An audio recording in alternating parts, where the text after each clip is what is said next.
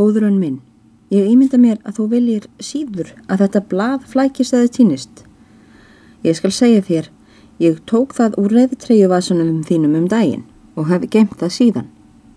Það er láfið sjálft að það væri komið í hendurnar á öðrum, en það vildi svo til að ég var nærstödd og hyrti það. Viltu ekki heldur geima það hjá þér í nærtreyjuvasanum svo það tapist ekki? Þegar aðalsteinn heyrir þetta og sér og kennir með hann, þá verður honum skindilega svo byllt að hann stokkur óðunar í andlitinu og veit ekkert hvað hann á af sér að gera. Honum verður orðfall og margfalt heldur hefði hann kosið að frúin hefði rekið honum kinnhest en að þetta skildi koma fyrir. Biskupin tekur fljótt eftir þessu, kemur að og grýpur meðan úr hendi konu sinnar í því byli sem hún ætlar að rétta hann að aðarsteini. Biskupin tekur að lesa með sjálfum sér það sem að meðurnum stendur, en ekki líður á löngu áður hann rekur upp hlátur mjög svo hraustlegan. Hann les lengra áfram og hlægir aftur, en því meir sem hann les og hlægir, því meir hittnar aðalsteini um hjartaræturnar og helst óskaði hann sér nú í hugsínum að hann veri komin langa leið burt frá þessum kvala stað. Nú skulum við fræða lesaran um hvernig á þessu stóð. Svo var mál með vexti að þá aðalsteinn satt hjá á fossi hafði hann það eitt meðal annars sér til dagrasteyttingar um sumarið að hann reyndi að yrkja vísur. Þetta var yðja sem hann fór mjög dullt með og lit engan mann verða þess varan. Nú með því að hann hafði öll rítföng með sér, þá rítað hann á blöð sumt að því sem hann orti, en reif ætt því sundur og glataði jafn áðum, til þess að enginn skildi geta staðið hann að þessum glæp.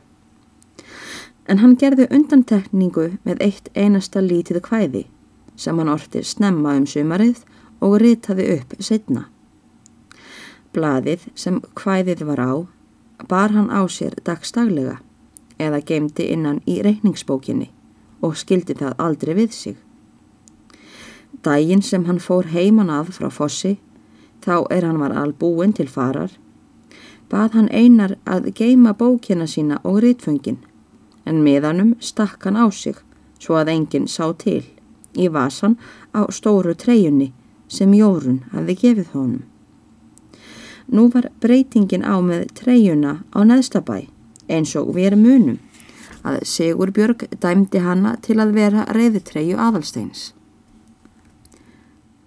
En hann hafði þá svo margt að hugsa að honum sást yfir að taka miðan úr þeim masanum og láta hann í annan masa nær sér.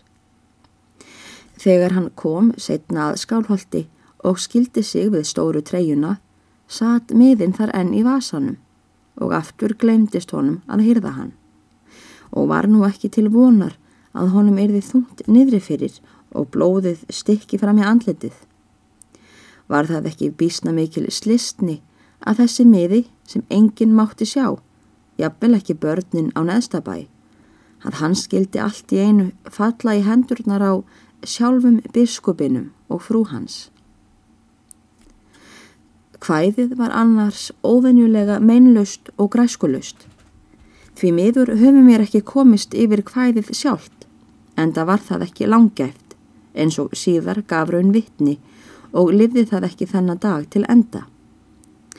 En frá áræðanlegri hlið höfum mér fengið að vita efni þess. Yfirskrift hvæðisins var Rjúbkarrin og ærin og var efnið hérum bil á þessa leið. Ærin er að kroppa gras í námt við hellishólinn og þókast nær og nær að rúpurheðrinu. Karrin setur uppi á holnum og tekur eftir þessu og byður ána með hægð að fara ekki of næri hreðrinu þar sem konan sín sé með ellefi börn. Ærin tekur þessu drömslega en lítur þó upp allar að snöggvast og segir Er þú þarna? Og óðar fer hún að býta grasið aftur. Karrin ítrekkar bæn sína og hvaðst vilja hafa konu sína og börn í friði. Ærin lítur ekki upp úr jörðinni en muldrar þessi orð um leið og hún tyggur. Já, maður verður nú að haga sér eftir því hvar grasið er kjarn best. Þá reyttist karrin og tegði hálsin og mælti. Ég fyrirbýð þér annars hellusólinn eins og hann er sig til. Það er mitt land.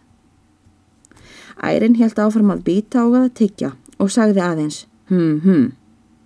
Í þessu byli gæltu hundurinn skamt frá og þá þauðt ærin eins og bissubrend langa leið burtu. Og undir hvæðinu stóðu nafnið Aðalsteit Sveinsson. Þetta var nú efni hvæðisins, en sem biskupin hefur lesið hvæðið, segir hann við Aðalstein. Þú ert þá ekki nema farin að yrkja. Aðalsteit satt aktofa og gætt engu orði uppkomið. Svo leitt þótti honum að leindarmál hans skildi vera orðið uppskátt. Biskupin fór nú að segja aðalsteini frá hverjir gallar honum þætti vera á hvæði hans. Bæði að því er rínsnerti og orðfæri. Ráðlagði honum að vanda sig sem best ef hann reðist í að yrkja og hvaðstjafil heldur ráða honum frá að yrkja á meðan hann væri svo ungur og óreindur. Sagði biskup sem var að slíkt væri ekki barna meðfæri, en þó mætti þetta kvæði vera í sinni röð, einkanlega ef aðalsteinn yrði svo vel að sér síðara meir að hann gæti sjálfur lagað gallana sem á því væri. Aðalsteinn hlustaði á þetta, en í huga sér strengti hann þess heit að að láta sér ekki verða slikt á tíðara. Hann bannsöng allan hvaðskap og var ekki hóti vinnvættari í skálskapnum nú en hann var brotareikningnum í þokunni forðum. Frúin stóð hjá og hlustaði á talmann síns og rendi grunn í að aðalsteinn myndi hafa mikið að bera. Biskupin rétti blaðið af aðalsteini. Hann tók við því og kreisti það um leið óvægilega í hendi sér og stakk því skjótt niður í vasan.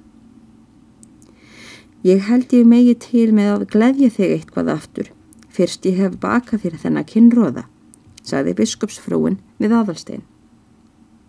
Að svo mæltu gaf hún manni sínum bendingu. Hann tók þá upp úr vasa sínum lítinn likil og fekk henni. Síðan lauk frúin upp litla skápnum rauða, er stóð á dragkistunni og tók þaðan út biblíu, vel um vandaða. Þessa biblíu rétti hún að aðalsteinni og bað hann eiga. Nú tók að liftast á honum brúnin aftur. Hann stóð upp og þakkaði báðum hjónunum með kossi. Biskupin tók nú opna brefið sem að borðinu lág, braut það saman og rétti að konu sinni. Hún tók við því og let það inn í rauðaskápin á dragkistunni. Læsti hún fyrir næst og skilaði manni sínum aftur liklinum. Eftir það gengur hann út en segir um leið. Miðdegi smaturinn er til hjartað mitt þegar þú vilt. Já, já, ég kem, svarar biskup. Að svo mæltu tók hann nokkur skjöl sem á borðinu lágu og læsti niður í eitt borðhólfið. Tók síðan dósirnar og stakki vasa sinn og mælti svo við aðalstein.